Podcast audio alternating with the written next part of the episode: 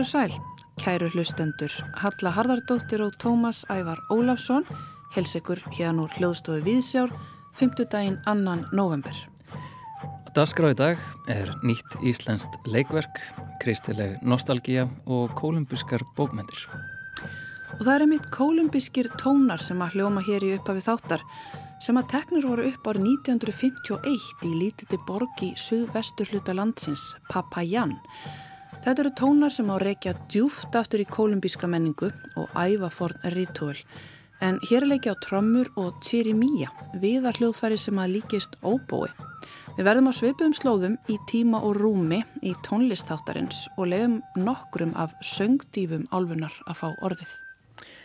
En einnig fær kolumbíski rittöfundurinn Pilar Quintana orðið. Hún kom til landsins í byrjun oktober og kom fram á litlum viðbyrði í Veröld húsi Vigdísar en dvaldi einnig á bifröst við skrif í rúma viku. Við náðum tali af henni á leiðinni aftur út og munum ræða fyrir hennar og skrif í þætti dagsins. Snorri Raffn Halsson heldur áfram píslaruð sinn um nostalgíu eða fortíðar þrá hennum ljúfsára söknuði eftir liðnum tíma. Að þessu sinni leitar hann aftur fyrir fortíðina til augnabliksinn sem að tíminn sjálfur fór af stað. En við hefjum þáttinn á því að heyra af nýju íslensku leikverki, barna leikritinu Hollvættir á heiði eftir Þór Túlinjus, leikara og leikstjóra. Verkið verður frumsýnt á laugardag 4. november í Sláturhúsinu á Egilstöðum. Þetta er eitt stærsta verkefni sem Sláturhúsið hefur tekið að sér en nýverið var húsið tekið í gegn og aðstæða til leiksýninga nú með besta móti.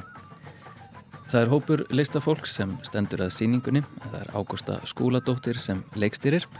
Halla ringdi í Þór Túlinjus og bað hann um að segja sér frá tilurð verksins, Hollvættir á heiði.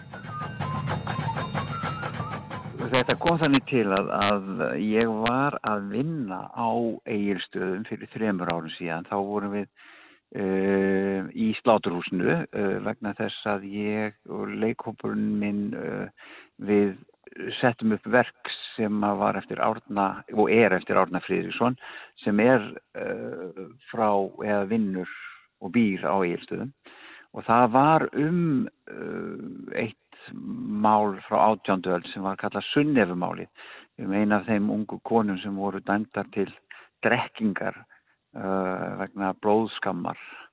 Og hérna og þannig að við settum upp leikriti æfðum það hérna fyrir austan og hérna og frumsýndum það í sláturhúsinu. Og þá var í deglunni að, að hérna endur bæta gera miklar endurbætur á sláturhúsinu menningar miðstöðinu þarna fyrir austan og, um, og sem er nú þegar búið að gera og alveg búið búið til glæsilegt sviðslista rými eh, svona black box leikús og, og það einhvern veginn spannst upp þessi hugmynd að, að sækja um eða reyna að skrifa Eh, leikrit sem er því svona einhvers konar opnuna leikrit eða, í, leikrit skrifað í tilhefni þess að það átt að búa til nýtt leikús og uh, við völdum það að ég og Ragnhildur Ásvarsdóttir sem er, er hérna forstöðu konan í sláturhúsinu uh, okkur fannst tilvalið að hafa það barnaleikrit þannig að það er náttúrulega áhörundur framtíðarinnar og, og það var verið að við nýtt leikús fyrir þau mm -hmm. og, og þannig kom þetta nú eiginlega til og svo fengum við fengum við bara uh, brautargengi þegar vorum að sækja um styrki og, og svo leiðist til þess að gera þetta bæði að skrifa leikritið og síðan til að framlega það. Einmitt. Já. Frábært, þannig að þú ert svona næstu því óvart uh, orðin svona þáttakandi í menningarlífinu þarna fyrir austan. Já, e, já, það má segja það. Þetta byrjaði allt þegar Árnir Freyrsson höfundur mm -hmm. sunnefu ringdi mig fyrir trefnur -hmm. árum.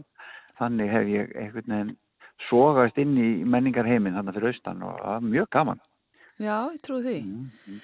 Ný, ný reynsla að vera í svona smerra bæjarfélagi, gerir á þessu? Já, mjög gaman og, hérna, og vel haldið utanum mann og bæði svona með styrkveitingum og öllu leiti þegar maður mm. svona upplifir sér velkofinn og, og mjög gaman líka og þannig að er, e, þessi síning er svona að, að mestu leiti atvinnusýning en, en sko að, það, þannig að það eru atvinnumenn í öllum listræðnum póstum uh, og mjög reynd fólk, Ágústa skóladóttir leikstýrir og, og Þórun Marja Jónsdóttir gerir, gerir uh, leikmynd og búninga og allt uh, Ágúst Ólafur gerir ljósinn og ég menn þetta eru þetta er allt fólk sem er að vinna á fullu í öllum atvinnuleikur svona hérna í, í bænum. Mm -hmm. og svo eru, eru svona já kannski 5, já, 45% af leikurum uh, atvinnuleikarar eða atvinnufólk uh, bæði, bæði sem leikarar og söngvarar líka Mm -hmm. og svo eru, eru leikarar bara náttúrutalent úr af hérhaði sem að Já. leiki þessu líka. Já, Það er að uppgötast þarna nýjar stjórnir framtíðarinnar. Já algjörlega, algjörlega. Heyrðu, þá langar mig að heyra frá þessu leikverki. Sko, þetta fjallar um, þetta byrjar í göngum að hausti. Og það eru sískinni tvö sem eru að hjálpa vinkonu sinni sem er, eh, heitir, er kallað Möllu og að hún er fjárbóndi. Og það vantar upp á hals ærina, hún, hún skila sér ekki ofan að fjöllum. Og hérna og krakkarnir svona sjá hvað hún tekur þetta næri sér. Hérna hún malla að þau farað nóttu til upp á heiði til þess að vilja finna eftirlegu kindina og hefjast þá mikil ævintýri og þau þarna rekast á reyndýr sem er í nauðum start sko, það er búið að hérna, það er búið að festa hodnin í, í Kattavýr og allar reyna að hjálpa því og það blæður úr því og það allar reyna að setja spritt og þá æpir klettur við hliðina á þeim. Ekki gera þetta og, og þau vita ekki hvað þessi rödd kemur og þá er þetta, þá er þetta tröll sem að stígur síðan út úr klettinum og hjálpar þeim að, að gera þetta rétt svo þess að dýrið snúist ekki gegn þeim og svo framvegis. Og svo allar hún þessi tröll uh, þetta dvergtröll hún heiti Skrúfa, hún hjálpar þeim síðan að, að leysa úr öllum málum og það eru heilmikil mál, mál í gangi þarna í, í, í huldu heimum í huldu heimum upp á heiði sko. Þarna eru alvar og, og dvergar og, og vættir alls konar Þeir að vinna með svona klassísk minni og kannski líka umhverfið þarna í kringum ykkur. Já, mikið, já, og það er alls konar þemið svona alltaf umhverfis, Mm. umhverfis þetta með, með gattavýrin, það er svona vandræði upp á, upp á heiðum, að, það er gattavýr og plast svolítið á þeitingi um allt og, og er að valda óskunda Einmitt. og uh, svo er þetta náttúrulega líka, eru alls konar deilur í gangi milli, milli hérna, hérna hulduheimana, er að segja milli dverga og, álfa og trölla, alls konar þras í gangi, sko, Mm. og- og það er svolítið líka þema, það, það, það gerist ekkert, það bjargast ekkert og allir er alltaf að þrasa og, og Einmitt. samtakamátturinn, skilur, skilur árangri. Mm En þetta er svona, ég, ég get ekki farið, þetta er náttúrulega heilmikið saga og endar Já. allt vel. Sískinni sem að tínast og lendi í ævintyrum þetta hljóma bara eins og, nú þegar eins og klassík. Já, já, já, klassík sko og líka, og það er líka hérna, ön- önnur klassík eins og hérna að ástir eru ekki leifðar milli heima, þetta er svona Mhm. Rómi og Júliu. Einmitt. En þetta Já. er bara búið að vera rosalega gaman að, að bæði að, að fá að gera þetta þarna fyrir austan og, og kynast allir fólkinu þar og, og svo bara sjá, sjá hérna hugarverk sitt að lifna við á sviði, það er alltaf bara aðeinslega sko. Ágústa skúla er náttúrulega sko algjör snillingur, leikstjóð. Ég hef gert eh, mörg stórvirkin, þú veist, í, bæði í barnaleikusi og, og líka alls konar leikusi. Einmitt. Rind kona á réttum stað og í Já. þessu rými sláturúsinu sem er auðvitað bara Mm. magnað fyrir þetta sveitafélag að hafa og, og eins og Já. segir, hvað er, er þetta þá miklu betri aðstæða núna til síninga á leikverkum, eitthvað sem að Já, það- já, þetta er allt annað sko. Þegar við vorum með Sunnefi þá vorum við þarna í litlu rými sem var reyndan mjög sjarmirandi en það voru sólur út um allt og, og, og, og, hérna, þe- þetta er bara ekta gott sko, svona sviðslista rými og, og þau eru að bæta við sér ljósum og allt þetta og, og, og vonandi er þetta bara það sem koma skal.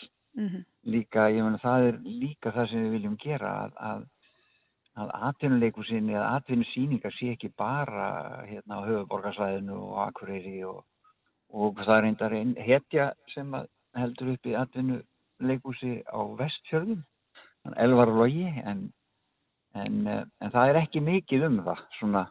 E, á landsbyðinni og það er vonandi, stendur vonandi til bóta.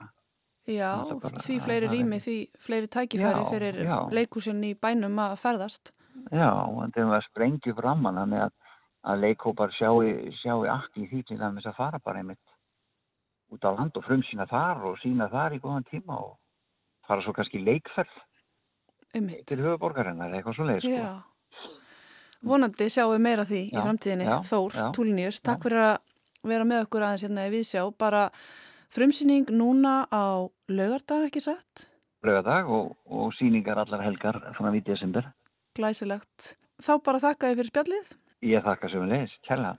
Halla rætti hér við Þór Túlinius, höfund nýs íslensks barnaverks, hotvættir á heiði sem frumsýnt verður í sláturhúsinu á eigilstöðum um helgina.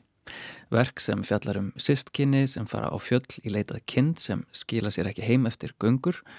Þau lenda í ymsum ævinturum en það endar vist allt á besta veg. Já, og áframhöldum við með Viðsjá dagsins. Við lofuðum suður-amerísku þema hér í upphæfið þáttar sem hófst á kolumbískum tónum enda vona viðtali hér undir lokin við kolumbísku skaldkonuna Pilar Quintana. En nú ætlum við að fara okkur yfir til Argentínu. Næst ætlum við að heyra lægið Como la Cigara með henni argentísku Mercedes Sosa. Í Suður Ameríku hefur tónlistin alltaf verið stór hluti af pólitískri baróttu og þetta lag sem samlanda Sosa samti árið 1973 varð fljótlega að baróttu söng fyrir auknu frelsi og líðræði í Argentínu. En í tekstanum segir frá La Cigara eða söngtífu sem rýs alltaf upp aftur sama hvað gengur á. Eftir að Argentína fjall undir herfóringjastjórn var Sosa gerð útlæg og snýra ekki aftur til heimalandsins fyrir enn 1982. Þá held hún tónleika þar sem hún söng meðal annars þetta lag. Heyrum þessa tónleika útgáfi.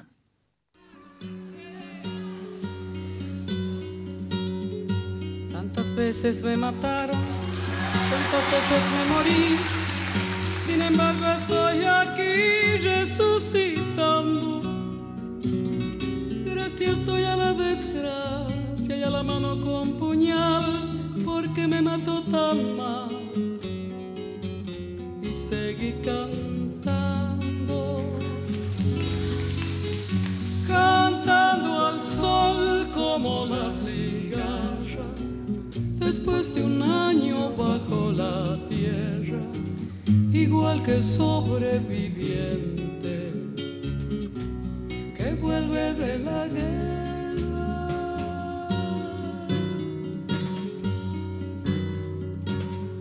Tantas veces me borraron, tantas desaparecí, a mi propio entierro fui sola y llorando. Hice un nudo en el pañuelo, pero me olvidé después que no era la única vez. Y seguí cantando, cantando al sol como la cigarra, después de un año bajo la tierra, igual que sobreviviente que vuelve de la guerra.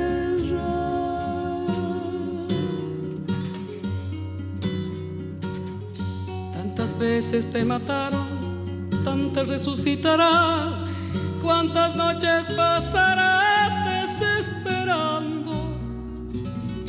Y a la hora del naufragio y la de la oscuridad, alguien te rescatará para ir cantando, cantando al sol como la cigarra, después de un año bajo la tierra, igual que sobreviviente que vuelve de la guerra.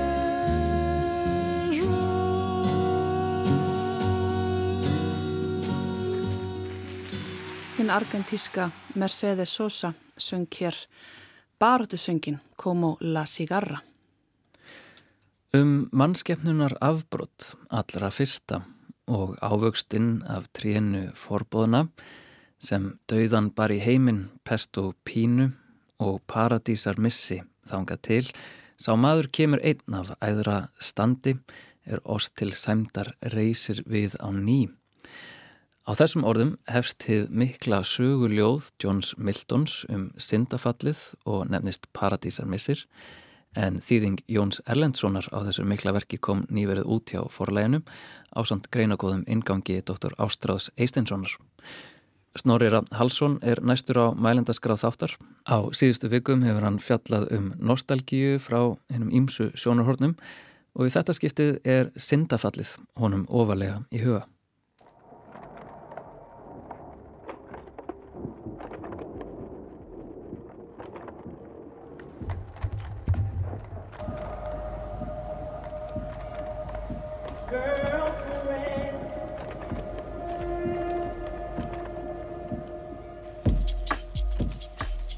Af nostalgíu, millið þess óumflýjanlega og ómögulega. Lítimaður í kringum sig er ekki óvarlegt að ætla að lind og ljós fortíðar þrá móti útlínur og innihald veruleikans. Sé á vissanhátt grundvallar afstafa okkar tíma. En hvað er okkar tími ef hann er ávalt nú þegar liðin? Hvert getum við snúið okkur þegar framtíðin verðist útilokuð og fortíðin er við það að ná í skottið á okkur.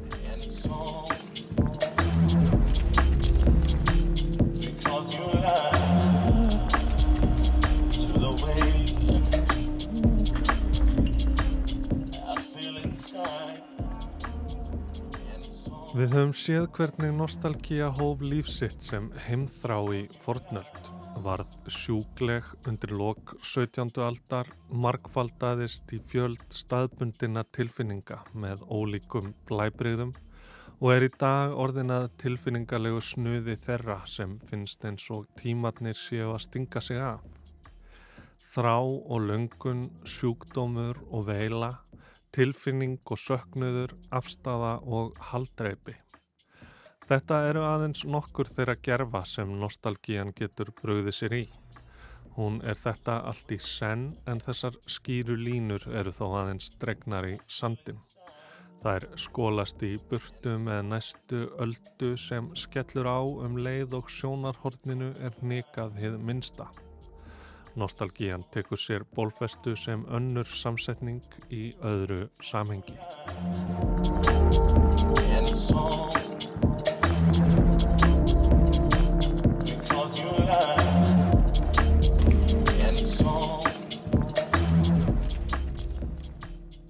Fyrir vikið getur verið villandi að tala um nostalgíuna með stórum staf og greini sem eitthvað eitt.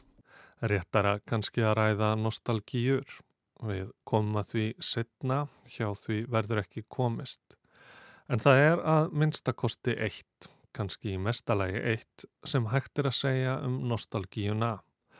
Og það er það að á einhverjum tímapunkti breytti hún um stefnu. Viðfang hennar þar sem þráinn beinist að, hætti að vera staður, var það stund.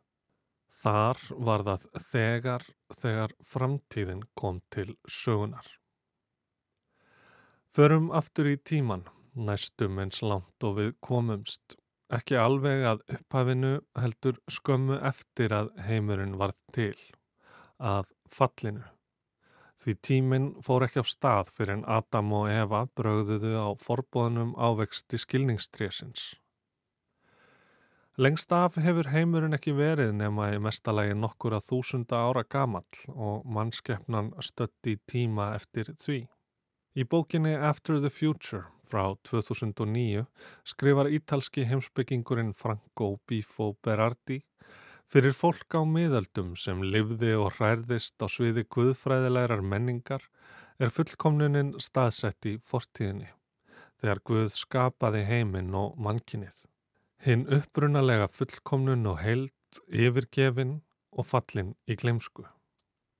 Hægt og bítandi láleiðin niður á við, tilveran í stóra samhenginu í bestafalli byð eftir endalókunum, endur komunni þegar hinn er fyrstu er þau síðastir og hinn er síðustu fyrstir. Hinn um miskunnsömu er þau miskunnað og hinn er hjartarheinu myndu Guð sjá. Jarðlegar hræringar, stríð, valdabröld, hamfarir og hungursneiðir snertu ekki á óhaganlegri stöðu mannsins í henni trúarlega heimsmynd. voru aðeins hluti af ringrást tímans þar sem þið sama snýr eilíflega aftur á ný. Framtíðin var fortíðin, var framtíðin. Nostalgían fyrir vikið aðeins veraldleg þrá þeirra sem vildu snúa aftur á þann stað sem aðeins aðstæður en ekki lögmál höfðu gert fjarlægan. En svo ropnaði ringrásin, ekki með komu Krist heldur hugmyndarinnar um framfarir. Franska byltingin, upplýsingin og yðnbyltingin færð okkur trúna á að framtíðin gæti verið betri en það sem á undan fór. Færð okkur í raun framtíðina og snéru þar með fallinu við. Í stað óumflíjanlegra hnignunar í átt að óreiðu varð mannskeppnan að eigin skapara sem ekki þurft að sætta sig við hlutskipti sitt heldur gat með því að beita skinseminni aukið þekkingu sína og margfaldað krafta sína. Það var loks á hennarvaldi að bæta sjálfa sig, umhverfi sitt og móta eigin skilirði. Drauminn um bjarta framtíð nefnir Bífó góðsögnina um framtíðina og rekur hann uppgang hennar til reynslu fólks af útþenslu hagkerfisins og þekkingar. Hugmyndinum að framtíðin verði betri en líðandi stund er ekki náttúruleg hugmynd heldur ímynduð afleiðing ákveðina sérkjana hins borgarlega framleiðslukerfis, skrifar hann. Veröldin stækkaði og mörg máðust út, auður óks og tæknin markfaldaði mátt mannsins og undir lok 19. aldar varð framfara trúin að algjöri grunnstillingu hugsunarinnar og allrar hugmyndafræði. Þróunarkenning Darvins egnaðist hliðstæður út um allt, í hennu ósýnilegu hönd markaðarins og marxískrar söguhyggju um nöðsynlega framvindu mála. Við þetta lifti manneskjan höfðinu upp úr núinu sem var gegnsýrt af fortíðinni í formi reynslu. Hófað líta fram á veginn þar sem framtíðin beigðinar sem væntingar á sjóndeildarhingnum og framfara hyggjan saminæði þetta tvent í einn hlutlegan og algildan tíma sem stefnir ekki niður á við heldur beint af augum. Svetlana Bóim sem ég hef áður minnst á bendir á að framfara hyggjan hafi undanfarnar tvær aldir átt við um allt frá tíma til rúms, frá þjóðinni til einstaklingsins, allt miðast við það sem koma skal. Og bóim skrifar. Fyrir vikið er nostalgía sem söguleg tilfinning, löngun eftir hinnu hverfandi rými reynslunar sem samrýmist ekki lengur sjóndeldarring vendingana. Nostalgía líkt og framfarir er háð hugmyndum nútímann sem tíman sem óendurtakanlegan og óafturkvæman.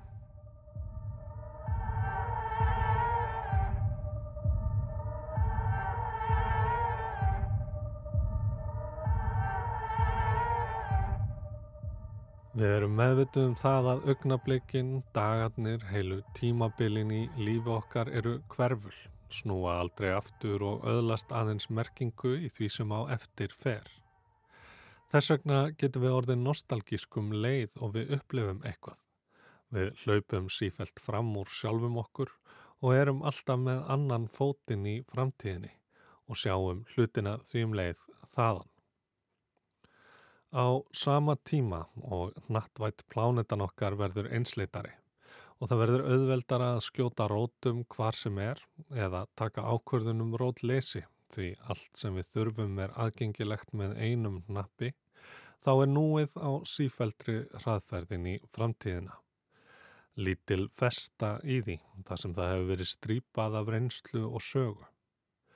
Við erum ekki háð stað en við þráum stund. Í slíkum heimi er engin förða að nostalgíja sem heimþrá. Löngun eftir stað takir sér helst bólfestu í þeim sem með einum eða öðrum hætti hafa verið hraktir að heiman. En við hinn upphefjum augnablikin sem fengu að vera bara eins og þau voru. Nú þegar við getum litið í baksinni speilin og séð þá merkingu sem þau hafa öðlast eða við höfum gefið þeim. Nú þegar við höfum loksins náð í skottið á framtíðinni sem bjó í fortíðinni.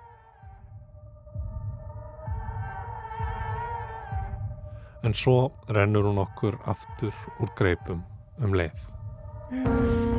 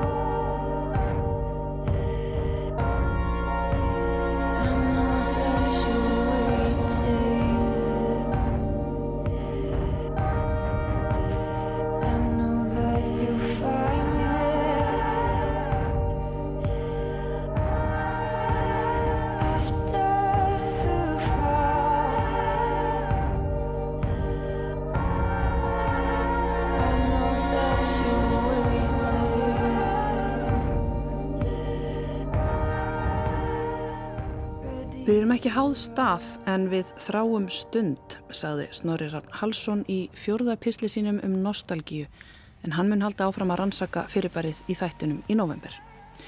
Áður en lengra er haldið skulum við setja annað lag á fónin.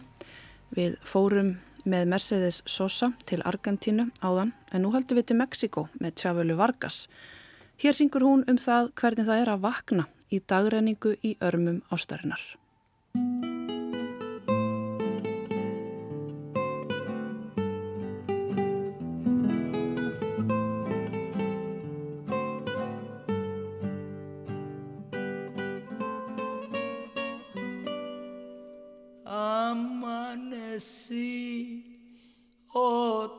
Vez entre tus brazos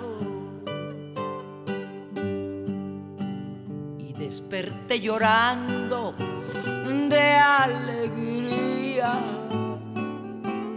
Me cobijé la cara con tus manos para seguirte amando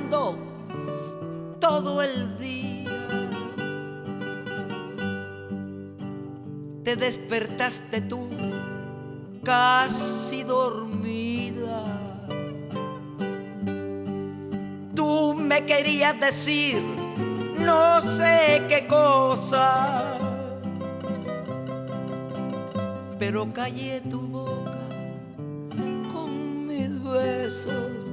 Así pasaron muchas, muchas horas. Cayó la noche, apareció la luna, entró por la ventana. Qué cosa más bonita cuando la luz del cielo iluminó tu cara.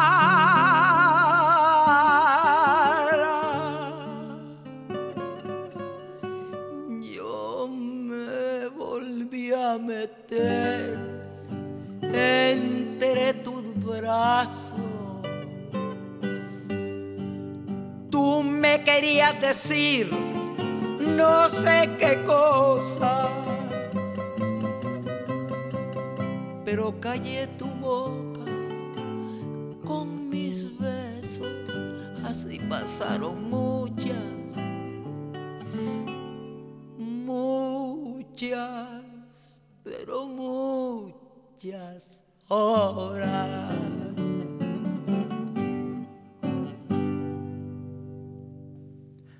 Hinn meksikóska Tjavala Vargas sveng hér um ást, kossa og tunglskinn.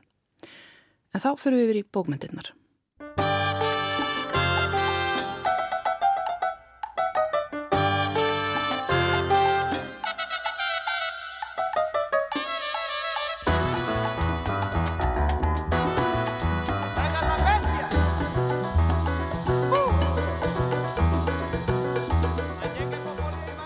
I said, I can't do that. I can't do this. Yeah, literature is not, um, you can do literature in your neighborhood. It, it was very important to me because I realized I could be a writer. Þetta er kolumbíski rittöfundurinn Pilar Quintana að segja frá því stóra augnabliki í lífi sínu sem hún áttaði sig á því að hún vildi verða rittöfundur.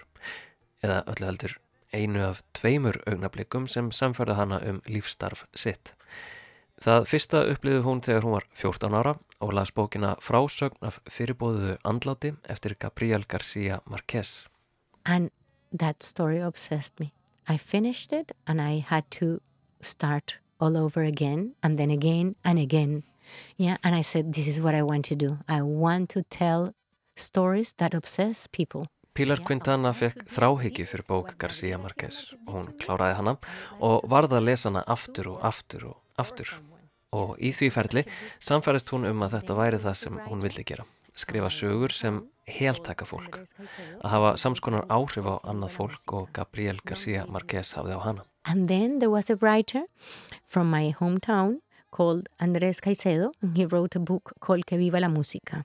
Long live music it's called Síðari sannfæringin átti sér stað tveimur árum síðar þegar Pilar Quintana las bókina Que viva la músika eða Lengi lifi tónlist eftir kolumbíska höfundin Andrés Casieto sem fjall fyrir ein hendi stuttu eftir útgáfu þeirrar bókar. Áður en Pilar las Que viva la músika hafði henn alltaf fundist sem sögur bókmyndana ættu sér stað í sveitum Kolumbíu í fortíðinni í rúsneskum hallagörðum eða á bresku landsbyðinni.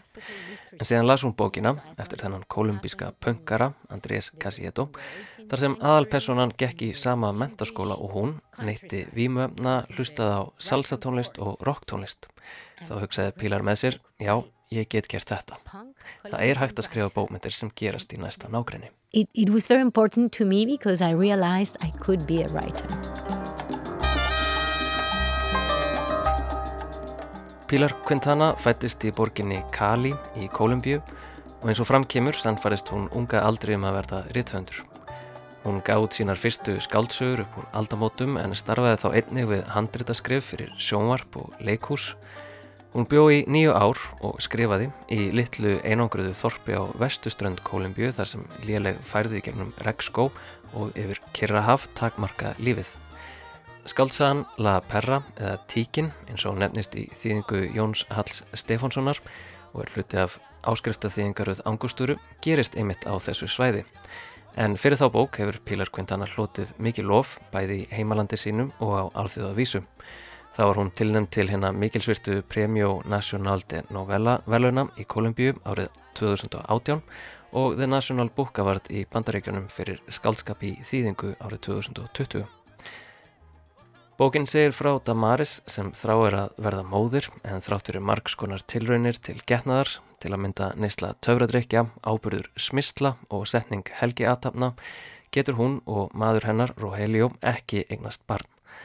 Þegar henni býðst að taka að sér tíkarkvolp grýpur hún tækifærið feginsendi en tíkin lætur ekki temja sig frekar en náttúran. Við skulum heyra stuttanlestur Jóns Halls úr bókinni. Ég fann hann aðna í morgun með lappirnar upp í loftið, saði Donja Lóðia og bent á stað á ströndin þar sem sapnust hafði saman drast sem sjórin hafði bórið með sér eða grafið upp, rekaviður, plastbókar, flaskur. Eitur, haldi ég. Hvað gerði þið hann að gróða hana? Donja Lóðia kingaði kolli. Batnaböndin. Upp í kirkjugarði? Nei, bara er á ströndinni. Upp á síðkastið hafðu margir hundar úr þorpinu drepist af eitri. Sumur töldu að það væri eitra fyrir þeim á ásættu ráði en það marist trúðu ekki að neitt væri færum slíkt. Hún held frekar að hundarnir slísust til að geta róttu eitur eða róttur vankar af eitri sem veru auðveld bráð fyrir hundana. Leitt að heyra, sagði Damaris. Donni Elóðia kingaði bara kolli. Tíkin hafði lengi verið í eiganar Hún var svört á litin og lávennilega við hliðin á kronni eða eldi eigandi þinnum allar trissur til kirsku heim til tengdadótturnar í búðina nýru á höfn. Donja Lóðja hlaut að vera mjög rygg en leti ekki á því bera. Hún laði frá sig kvolp sem hún hafi gefið að drekka með spröytu sem hún fyllt úr mjölkupotla og greip annan. Kvolparnir voru tíu talsins og svo ungir að þeir voru ennþá blindir. Þeir eru sex daga gamli, sagði Dóni í Lóði, þeir lefið ekki af. Akkur reynir ekki að gefa þá, spurði Maris. Ég hef búin að losna við einn, en það veit lenginn taka við svona ungum kvolpum. Það sem ekki var há annatíma á kranni voru hvorki borð út inn í tónlist, nýja túristar, nýja neitt, bara mannlust svæðið sem verði skrýða stórt núna þar sem Donja í Lóði að sata bekk með kvolpana tíu í papakassa. Damaris skoði það með aðtikli og valdi einn. Má ég fá þennan, sagði hún. Donni Elóðia lagði kvolpin sem hún var að gefa mjölk aftur ofin í kassan, greip þann sem Demaris hefði bent á, gráan kvolp með lavandi eiru og skoðaði hana aftan. Þetta er kvendýr, sagði hún. Um þessar myndir fylgir Pilar Quintana nýjustu skaldsögu sinni, Los Abismos, eða Hildýpin um heiminn. Hún staldraði við hér á landi í byrjun mánar og kom fram í Veröld húsi Vigdísar þann 5. oktober á litlum viðbörði en þar átti hún í samtali við Árna Mattiásson, bókmyndaríni og önnu Marju Bóadóttur, arkitekt og rithöfund. Síðan var ferð hennar heitið á Bifröst til að vinna í næstu skaldsög og til að sinna rittstjórnarstörfu. Á leðsinni aftur út staldraði hún við hér í efstaleitinu í stutt spjall þar sem ég byrjaði að forvittnast um hennar nýjasta verk. This novel is set in the same universe as uh, La Perra Tikin, my book that's published here in, in, in Iceland. And it's about a couple that arrive in the jungle to live there and they're building their own, the house with their own hands. Nýja skaldsagan gerist á sömu slóðum og tíkin og snýst um hjón sem flytja í frumskógin og byggja þar sitt eigið hús. Egin maðurinn er írskur að uppruna og snemma í bókinni þarf hann að yfirgefa svæðið til að ganga frá dvalarleifis umsókn sinni. Egin konan verður þau eftir í skóginum í húsi sem hefur korki í glugga nýtt dýr sem veldur því að hún fyrir að verða hrætt við skógin og nágrannana sem byrja allt í einu að koma öðruvísi fram við hana. Það er eftir að eigin maðurinn fer og bókin lýsir sex slikum dögum í hennar lífi. Í framhaldinu spurði ég Pilar Quintana út í árin sem hún bjó við svipar aðstæður á vestusturönd Kolumbíu. Hvernig var það að búa með skóin svo nálegt? Well, it was a very dramatic life. I remember thinking, oh, I, today, I don't know, it was a Sunday and um, I, I remember thinking, today I'm going to rest. Pilar Quintana segir lífið í frumskójunum hafa verið mjög dramatíst og rifjar upp sólríkan sunnudag þar sem hún setti sér það markmið að slappa af. Þá hafi laung Halarofa termita lagt leið sinna inn í húsinnar um leið og hún settist niður og þannig var málunum eiginlega alltaf háttað á þessu svæði. Kvild var af skornum skamti því það var alltaf eitthvað að gera, eitthvað skona baróta við náttúruöflin segir hún og líkir ástandinu við Ísland þar sem náttúruöflin herja öllum stundum á landan úr heila öllum áttum. Here in Iceland I, I find like that, that coincidence for people that, that live in nature in, in Iceland. No, you're always fighting the elements because they want to take you and you need to fight them in order to survive. Svæðið sjálft, vestuströnd Kolumbíu, segir hún vera nánast aftengta Kolumbíu. It's very long, narrow jungle-ish and it has only like three roads. Svæðið er mjög langt, þröngt, skójivaksið og hefur eins þrjá vegi þar sem eitt þeirra er ágætur en versnar til mikill að muna á regntímabilinu. Hún er gerðan lokað vegna færðar og tíðra urskriða.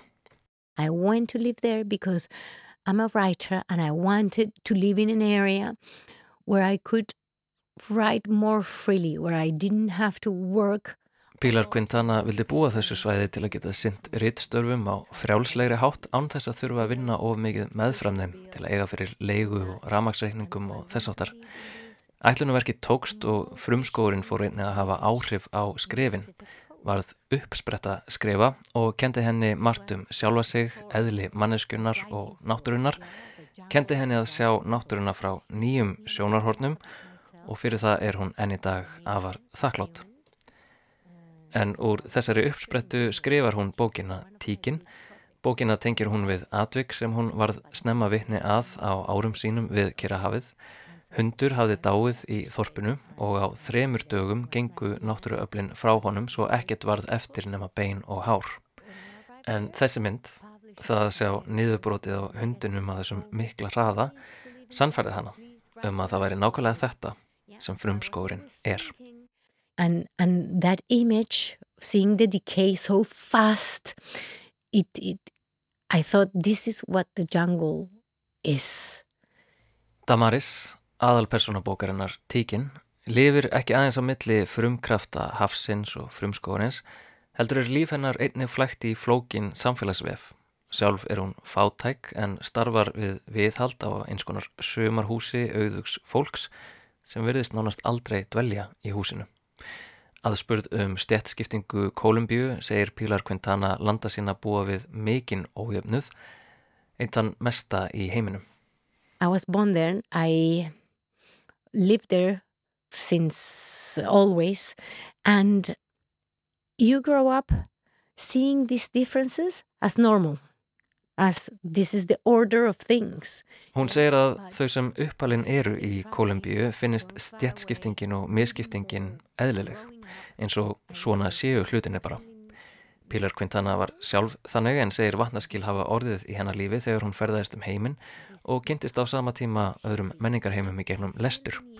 Þá uppgötaði hún að ástandið í heimalandinu var ekki eðlilegt og í raun var það gessamlega hræðilegt að svona ættu hlutinir ekki að vera. Hafandi komist að þessu finnur hún mikla þörf fyrir því að skrifa um þessa misskiptingu í verkum sínum til að sína hvernig samfélag Kólumbíu er.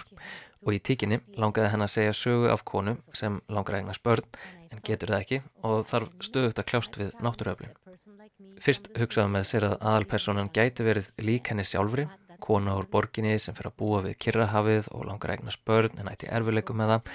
En hengurum var sá að þeirri mannesku myndi standa ákveðin tækifæri til bóða Hún geti alltaf farið aftur til borgarinnar, leita til læknist, ættleitt eða farið í tæknifrjókun. En manneskja sem fæðist fátæk á einangruðu svæði hefði aldrei slík tækifæri og þar af leiðandi fannst Pilar Quintana mikilvægt að persóna hennar, Damaris, hefði þann bakgrunn til að afhjúpa misskiptinguna.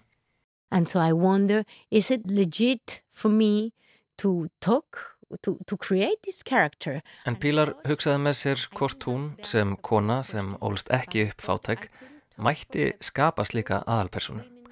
Hún hafði ekki svarið við þeirri spurningum en hugsaði með sér að hún geti vissulega ekki orðið málsvari fátakra hvenna úr einhverjum samfélagum en hún geti vissulega skoðað líf þeirra. Því hún hafði gert einmitt það í nýju ár í þorpinu við Kirrahafið. Slíkra konur voru nágrannar hennar, vinir hennar og hún er meira segja guðmóður einhverja barna þeirra og þar af leiðandi fannst henni sem hún geti vissulega skrifað um líf þeirra og það var einmitt það sem hún gerði á blaðsum tíkinar. So I said, yeah, I, I, I can write about their lives, I can do that and so I did.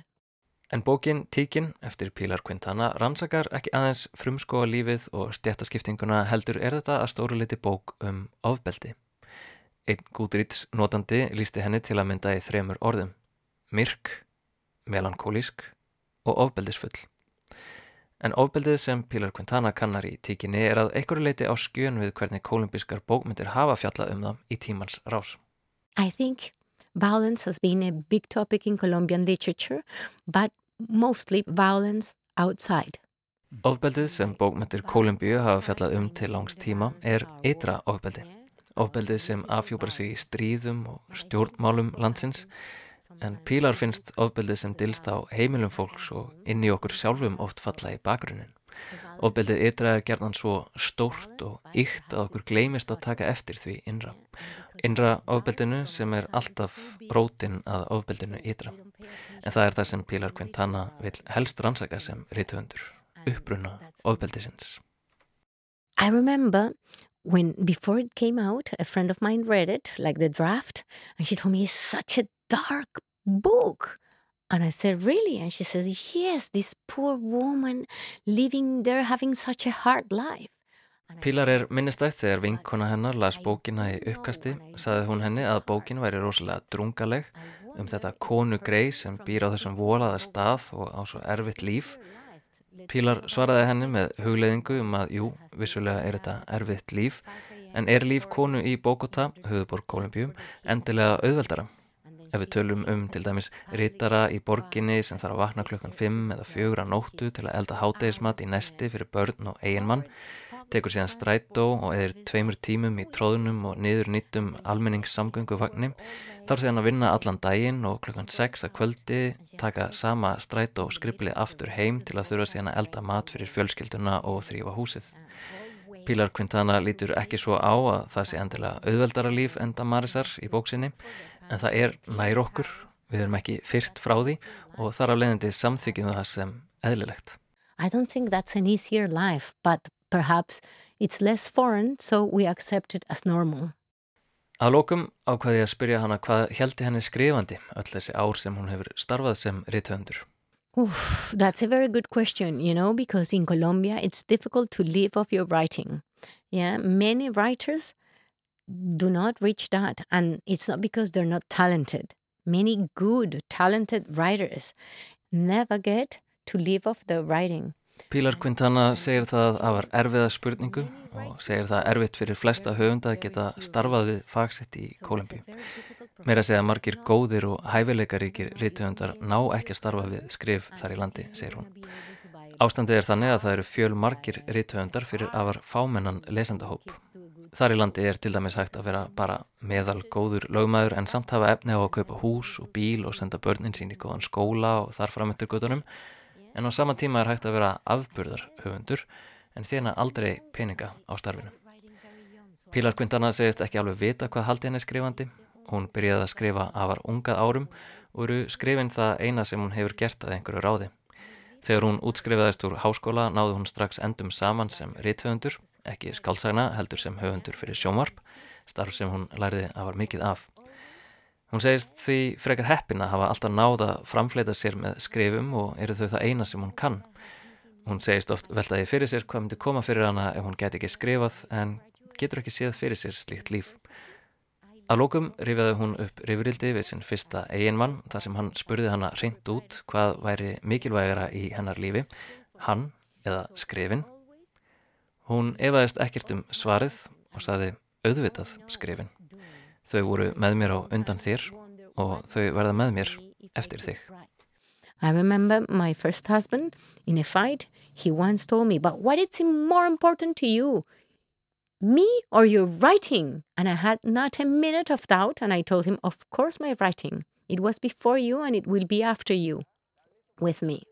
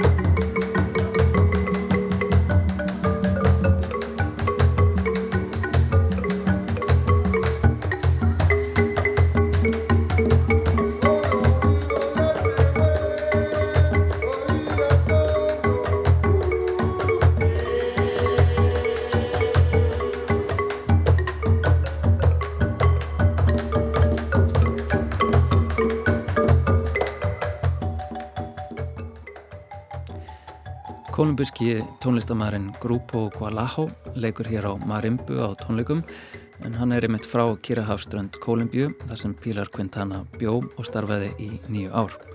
Og það er hér sem við endum þáttinn í dag, eða næstu því. Við hefum enn eftir að setja eina suður-ameríska söngdífu á fónin. Já, það er henn tíleska Violetta Parra sem ætlar að ljúka þættunum fyrir okkur í dag. Í þessu lægi þakkar hún fyrir lífið og allt sem að það hefur gefið henni. Sjón og heyrn, náttúruna og öll hennar ævintýri og fætur sem að bera hana yfir holt og hæðir, alla leið til ástarinnar. Lægi kom út 1966, ári áður en að Violetta Parra lést aðeins 49 ára gömul. Þetta er lægið Gracias a la vida. Takk fyrir að hlusta og verið sæl. Gracias a la vida que me ha dado tanto, me dio dos luceros que cuando los abro, perfecto distingo lo negro del blanco. Y en el alto cielo su fondo estrellado en las multitudes el hombre que yo amo. Gracias a la vida que me ha dado tanto, me ha dado el oído, que en todo su ancho graba noche y día, grillos y canarios, martillos, turbinas, ladridos, chubasco y la voz tan tierna de mi bien amado. Gracias a la vida que me ha dado tanto me ha dado el sonido el abecedario con él las palabras que pienso y declaro, padre, amigo, hermano, y luz alumbrando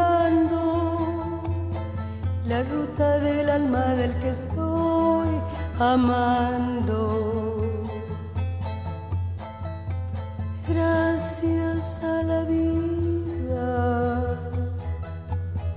Que me ha dado tanto,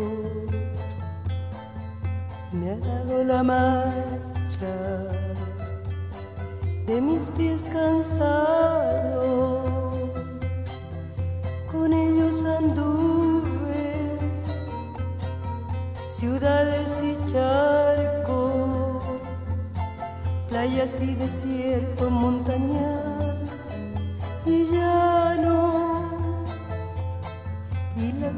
tuya, tu calle y tu patio. Gracias a la vida que me ha dado tanto,